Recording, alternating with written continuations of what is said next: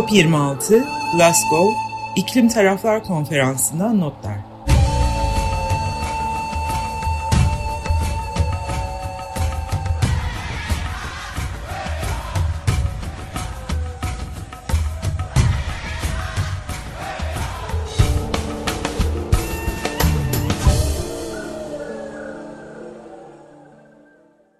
Evet Açık Radyo'da saat 10'u 5 geçe şimdi COP26'dan notlar bölümüne geçmiş bulunuyoruz.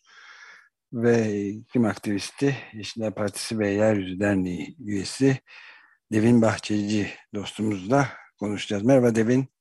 Merhabalar Ömer abi nasılsınız? İyiyiz vallahi takip etmeye çalışıyoruz. Merhabalar, günaydın. Özdeş o da. Hı hı. Merhaba Özdeş. Merhaba. Ne yapıyoruz şimdi?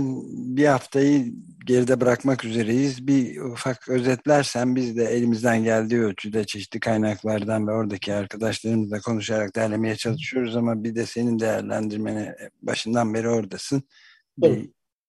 Yani bu, bu COP biraz farklı başladı diğerlerinden. Oradan başlamak lazım aslında. Dünya Liderler Zirvesi siz de biliyorsunuz her zaman bu zirvelerin en son iki gününde olurdu. Politik olarak karar verilmesi gereken artık da ucu açık kalmış meseleler var, varsa liderler gelir bu meseleleri çözer veya da çözemez giderlerdi. Ama bu sene liderler zirvesi iki gün başladığı için aslında pazartesi ve pazar, pazartesi ve e, salı günü ortalıkta çok fazla lider konuşma yaparken aslında müzakereler başlamamıştı müzakereler başlamamıştı. Bir de bir taraftan da yan etkinlikler dediğimiz sivil toplumun yaptığı, farklı paydaşların, üçüncü payda, e, üçüncü kesim paydaşların yaptığı etkinlikler de başlamamıştı. Ama dün itibariyle, e, pardon salı akşam itibariyle liderler gitti ve zirve çok hızlı başladı.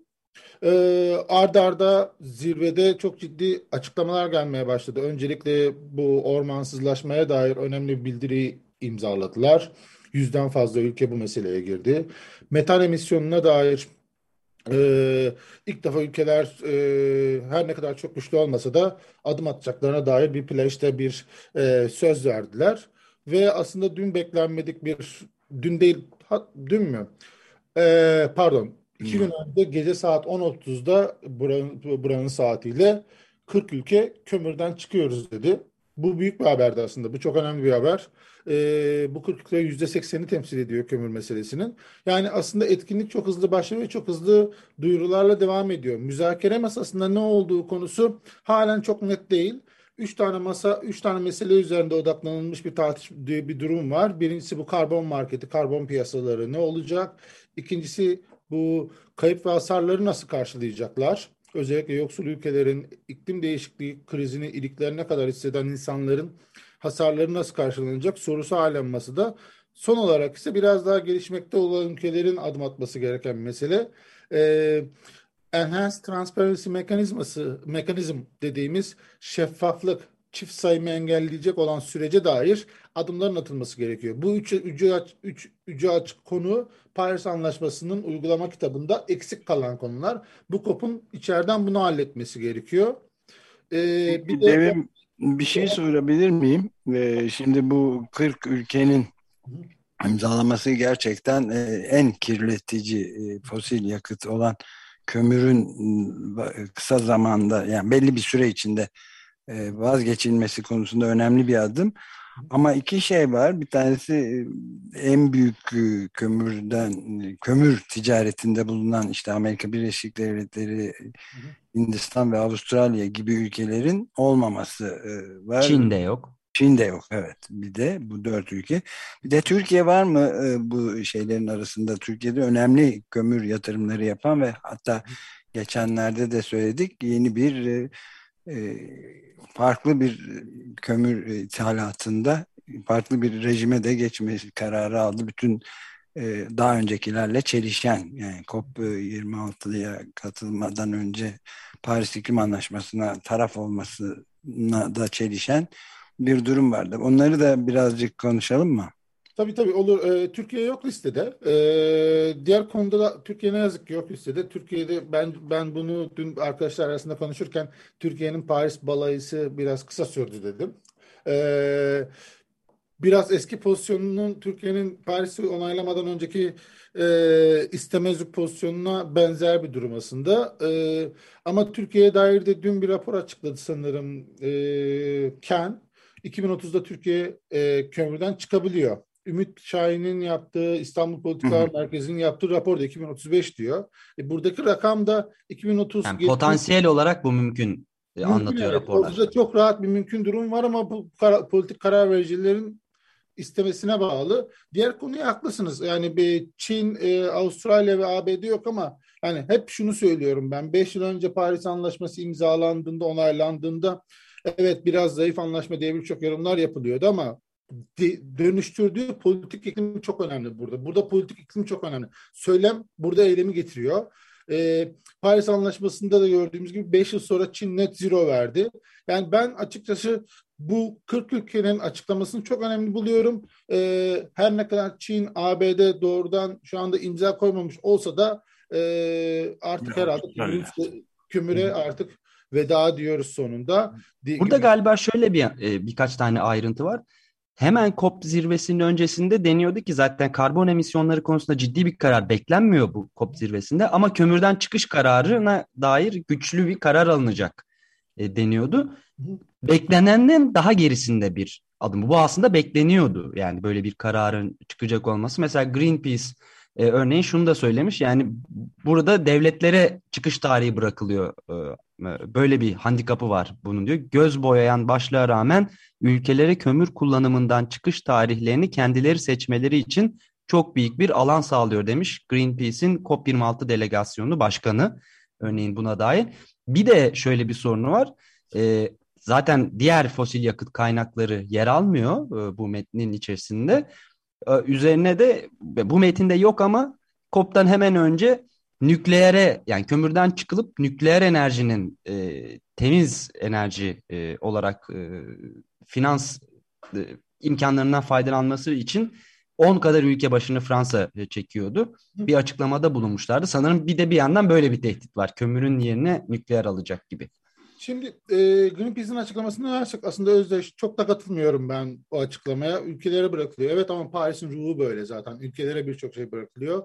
E, ülkelerin kendi ulusal katkı beyanları üzerinden ilerleyen bir anlaşma. O yüzden de hızlı ilerliyor. Onu, tam tersi olsaydı 190 ülkenin tamamının onaylaması gereken bir süreç ve biliyorsunuz mesela Türkiye Paris Anlaşması onaylanırken 3 saat 4 saat onaylanmasını e, COP'la e, Paris Anlaşması imzaya açılmışken COP'ta 3 saat 4 saat tek başına süreci bloke etmişti ve ikna edilmek zorunda kalmıştı. O yüzden ben aslında ülkelere bırakılması noktasının çok sorun olduğunu düşünmüyorum.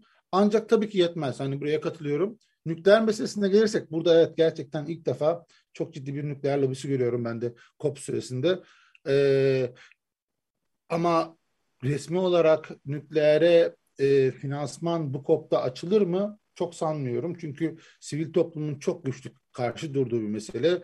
O kadar sivil toplumun gözüne batarak böyle bir hamle atab- yapabilirler mi? O, e, şu ana kadar ona dair bir şey duymadık. Bu zirveden güçlü bir emisyon azaltımı çıkar mı sorusuna gelirken şöyle bir şey var. Bu zirveden önce Birleşik Krallık ne yazık ki zirveye dair beklentileri çok yükseltti. Bu zirve bir Paris kopu değil. Bu zirve anlaşma çıkması gereken bir kop değil. Bu zirve bir Kopenhag gibi baş, çok başarısız olacak bir kop da değil. Bu zirve Paris kitabı ile ilgili üç tane temel madde var. Bir de iklim finansmanı meselesi var. O meseleleri çözmesi gereken bir detaylar topu. Zaten emisyon hedeflerine dair bir e, Paris kural kitabında söylediği gibi, Paris Anlaşması'nda söylediği gibi emisyon hedefleri bu zirveden önce yenilenmeliydi. Zaten 120 ülke, 120'ye yakın ülke ulusal katkı beyan, beyanını yenileyerek geldi. Bunların arasında yine Türkiye yok. O yüzden beklenti biraz İngiltere, Brexit, sonrasında kendi rüştünü tekrar dünyaya bağımsız biz bir yüz büyük ülkeyiz havasında kanıtlamak için bu zirveye dair beklentileri çok yükseltti. O da biraz aslında sivil toplumda bir, bir kamuoyunda ka, karış, e, kafa karışıklığı yaratıyor. Ama bu burada şey de var. Küresel iklim hareketinin basıncının da e, bir yani bu COP26'dan doğru düzgün kararlarlar. Çünkü IPCC raporları zaman kalmadı e, diye uyarılar veriyor. Biraz işin bu yönünde var. O yüzden aktivistler de e, bu ee, COP26 önemli e, artık Özdeş, diyorlar. Aktivistlerin temel beklentisi üç tane meselenin çözülmesi. 100 milyar dolar meselesi çok önemli. Ortada bir halen Ve e, bu COP'tan en büyük beklenti oydu zaten. Sivil toplumın, Greenpeace'in, e, birçok diğer işte Environmental Defense Fund'ın, Avaz'ın hepsinin beklentilerine bakarsanız artık bu 100 milyar dolar meselesini çözün. İnsanlar iklim kriziyle çok uğraşıyor. İkincisi e, karbon marketi meselesini meselesine dair adım atılması yani karbon marketi kurun demiyor sivil toplum ama bu meselenin artık müzakereleri tıkaması, müzakerelerin her seneki gündeminde olmasını sivil toplum beklemiyor. Buradan bir emisyon azaltım hedefi zaten Paris Anlaşması'nın ruhu şey demiyor. Bu çok ciddi böyle ruhu toplu böyle koplardan bir emisyon azaltımı hedefi üzerine çıkarmıyor. Ancak sivil toplumun son beklentisi o. Onu gelecek hafta göreceğiz. Bu biraz daha müzakere tatlı, e, müzakerenin side track dediğimiz yan tarafı bir buçuk derecenin e, hedef olarak çok güçlü şekilde ortaya konulması. Yani oralarda çok önemli e, ilerlemeler yok. Birkaç gün daha beklememiz lazım. Dediğim gibi ilk haftası liderlerin gelip burada şov yapmaya yapmasıyla geçti. Ancak e, ben yine de bu metan, ormansızlaşma ve kömür meselesini önemsiyorum. E, ve bir taraftan da sivil toplumun yine yavaş yavaş etkisini arttırmaya başladığını ve içeriye artık sivil toplumun söyleminin çok daha güçlü bir şekilde girmeye başladığını görüyoruz. Evet, bu çok önemli. Devin ben bir de şey sormak istiyorum. Bu şeyde e, Democracy Now'da Muhammed Naşid'in e, Maldivlerin eski başkanı hı hı. şimdi de önemli bir Climate Vulnerable Forum diye yani iklim hı hı. kırılganlık forumunun e, elçisi olarak çalışıyor. 48 ülkeyi temsil ediyor. Onun Demokrasi Now'da söylediği dört şey vardı. Onlar o konudaki değerlendirmeni de sorayım. Bir tanesi bu bir buçuk dereceyi tutturabilmek meselesi. Şimdiye kadar 1,2 dereceye ulaştık ve burada kalabilmemiz çok önemli diyor. Ve yani yüzde adaptasyon, uyum tedbirlerine bütçelerimizin yüzde otuzundan fazlasını harcamaktayız. Nasıl olacak diyor. İkincisi senin de sözünü ettiğin 100 milyar hı hı. dolar yılda bu kırılgan ülkelere verilmesi gereken bir türlü yapılmıyor. Onun bu tekrar şeyine oturtulması ne olacak? Üçüncüsü ulusal katkı beyanı konusunda ona da değindin sen. Yani her yıl beş yılda bir veriliyor bunlar. Halbuki bunların her yıl verilmesi gelecek yıl ne kadar karbon emisyonunda bulunacak bunu görmek istiyoruz diyorlar. Ve dördüncü son olarak da iklim kırılganlığı içindeki ülkelerin çok ciddi bir şekilde yani bu iklim adaletiyle ilgili bir mesele borç borca batmış durumdalar. Yani ülkelerimizin çoğu yüzde yirmisini borçları yeniden ödemek için kullanıyoruz. Onun için de bir swap yapılması yani iklim dirençli projeler yeniden yapılandırılmasını istiyoruz diyorlar. Bu konu bu dört konuda ne, nasıl görüyorsun? Ee, bu dört konunun dördü zaten kritik olan bu dört konu. Yani evet. son bahsettiğiniz tam da kayıp hasar, hasar meselesinden bahsediyoruz. Her gün her tarafta iklim kriziyle uğraşıyoruz. Ee, buna dair ufak bir gelişme oldu. İskoçya biraz adım attı ve biraz finansman desteği vereceğini açıkladı. Çok yüksek hmm. para değil ama son beş yıldır tartışılan kayıp hasar her kokun tartışma konusuydu. İlk defa bir ülkeden somut bir adım geldi.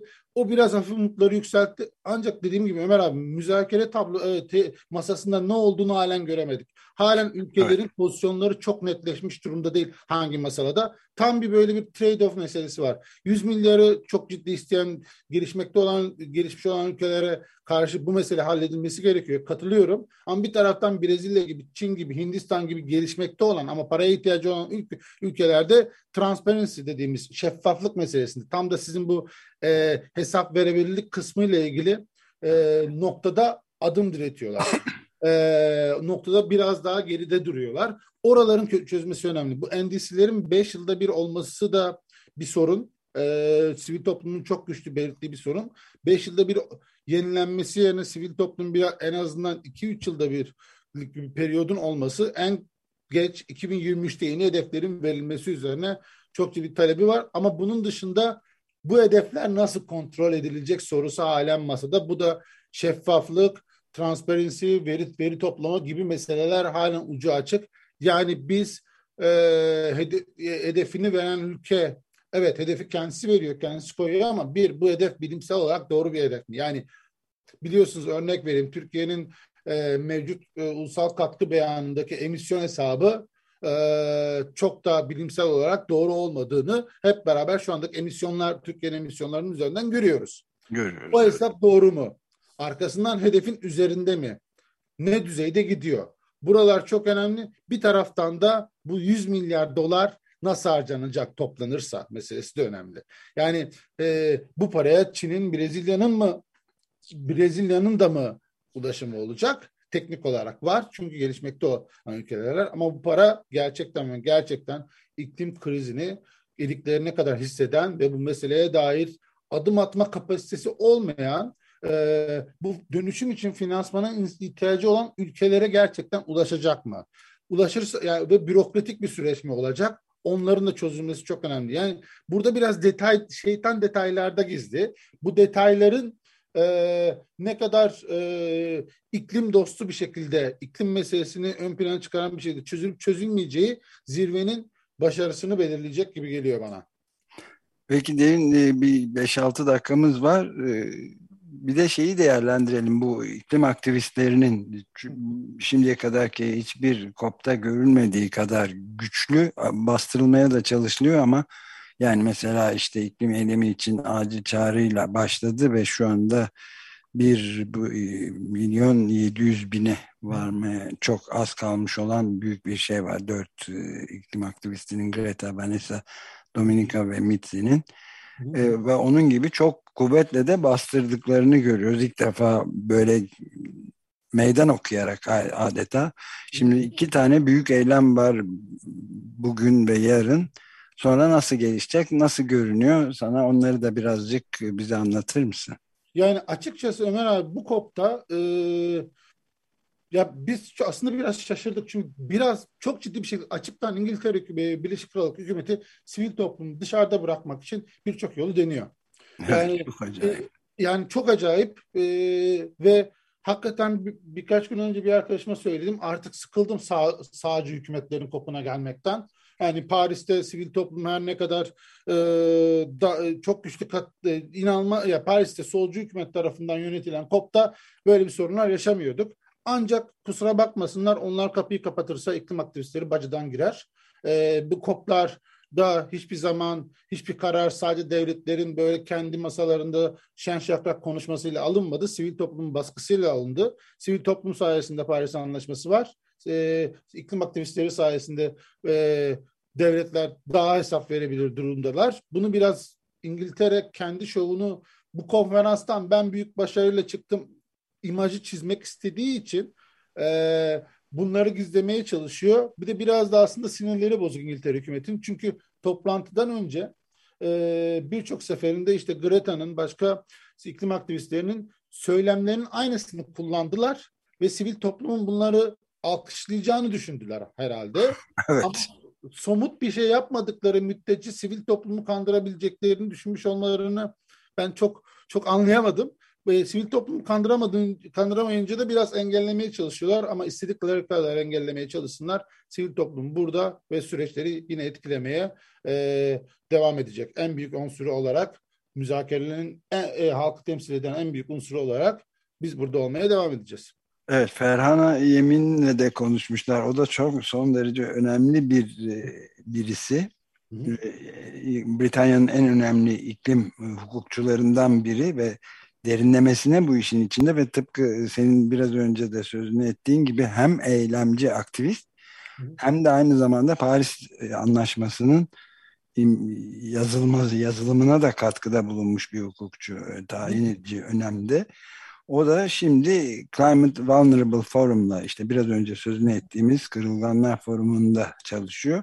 48 ülkeden oluşuyor ve aynı zamanda da net e, sıfır emisyonlarına e, ulaşmak için çok ciddi şekilde mücadelede verilmesi yani Shell'le de beraber kendisi mesela Shell'in Londra'daki merkezinde Shell şirketinin yapıştırmıştı. Zank, zankla yapıştırmıştı kendisini. Hem uluslararası çapta bir hukukçu hem de uluslararası çapta bir e, eylemci kimliğini şey yapıyor.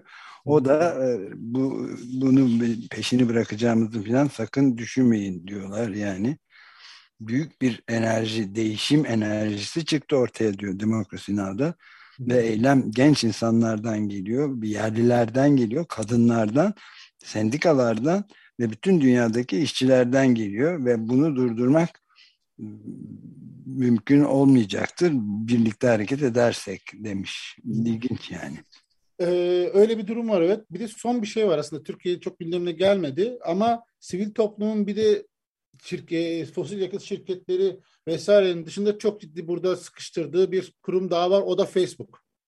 İklim hmm. dezenformasyonu inanılmaz son yıllarda yükseldi ve Facebook'un ürettiği bu algoritmalardan dolayı oluşan eko çemberler birçok insanı iklim meselesi konusunda kandırmaya devam ediyor ve son bu, burada üç tane büyük rapor açıklandı bu konuda. Üç rapor da Facebook bu iklim dezenformasyonunu üreten kurumların bu meseleyi aslında Facebook reklamlarından, Facebook partnership'inden, Google'dan para kazanmak için yaptıklarını ortaya koydu ve Facebook'un ve Google'ın aslında her ne kadar açıklama yaparlarsa yapsınlar özellikle Facebook'un bu meseleye e, ciddi bir şey yapmadığı ortaya çıkıyor bu raporlarla. O yüzden şu anda dün Washington Post'ta e, manşetti, manşetlerden biriydi. COP26'da Facebook üzerindeki baskı giderek artıyor diye. E, teknoloji şirketlerinin de bu meseleye artık adım atması lazım. Onlar da çok fazla artık greenwashing yapıyor ve sivil toplum ya bize net zero planı açıklama Facebook. E, iklim yok, değişikliği yoktur diyen, fosil yakıt e, reklamlarını yayınlamayı bırak mesela diyor. Ya da BP'nin net zero planına dair insanlara yaptığı reklamları yayınlamaya, onlardan para kazanmayı bırak diyor. E, bu zirvede aslında yeni bir günde e, sivil toplum yeni bir e, cephe daha açtı ve bu sefer hedefinde teknoloji şirketleri de var diyebiliriz. Evet bu son derece önemli bunun altını çizmem. Ben de bir cümleyle ilavede bulunayım izninle. Yani şey e, bu büyük e, bir zamanlar sigara şirketlerinin e, bütün dünyayı nasıl mahvettiyse öyle bir şimdi de bizim kuşağın sigara şirketi Big Tobacco diyorlar. O, bu işte Facebook, Facebook gibi e, teknoloji şirketlerinin iklim yalanlarından oluşan yeni bir araştırmadan bahsediyorlar. Real Facebook Oversight Board diye. Evet. Dün, evet dün yayınlandı. Staff Funding Hit'le beraber yayın, e, tarafından yayınlandı. Real Facebook Oversight Board'da destekçisi e, aslında o, araştırmadan öncesinde de üç gün önce CCDH diye Counter Center for Countering Digital Hate e, Facebook'taki dezenformasyon, iklim e, inkarcılığının %70'inin sadece 10, 10 tane e, sağcı medya kuruluşundan evet, geldiğini onu, ortaya çıkardı. Dün bahsetmiştik. Şimdi de 200 Facebook hesabı sadece yani Hı. 200 Facebook hesabı her gün 1,5 milyona 1.36 milyon Aynen. iklim dezenformasyonu her gün 818 binle 1,36 milyon Hı şey alıyormuş. Yani bu iklim değişikliği palavradır. İnsan yarattığı şey bir yalandır. İnsan kaynaklı iklim değişikliği diye. Buna da dünyanın en büyük bir teknoloji devi Facebook'ta şey yapıyor. Ama bunun, bunun üzerine de gidilmesi de önemli evet. Evet bu meselenin yani çünkü şöyle bir durum var. Yani son bir cümle söyleyeyim.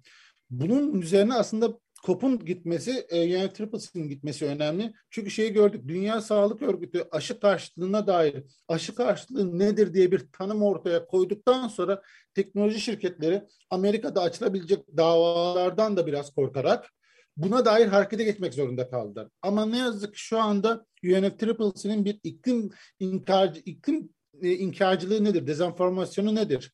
Sadece inkarcılık mıdır? Bu false, false solution'ları promote etmek midir? Greta'ya, IPCC'ye saldırılar mıdır? Bunların üçünü de e, içeren bir tanımı ortaya koyması lazım ki kampanyacılar, sivil toplum kuruluşları e, e, e, teknoloji şirketleri üzerinde baskıyı arttırabilsin.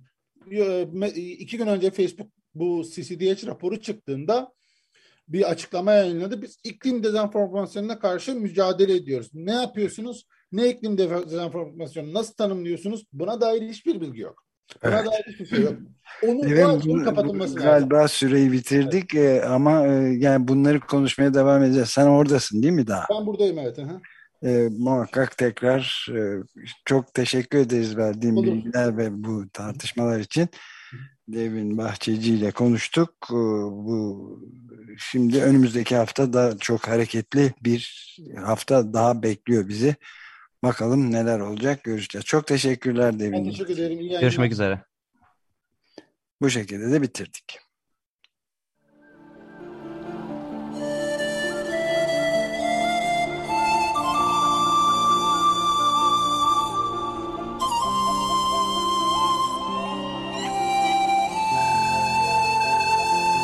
COP26, Glasgow, İklim Taraflar Konferansı'ndan notlar.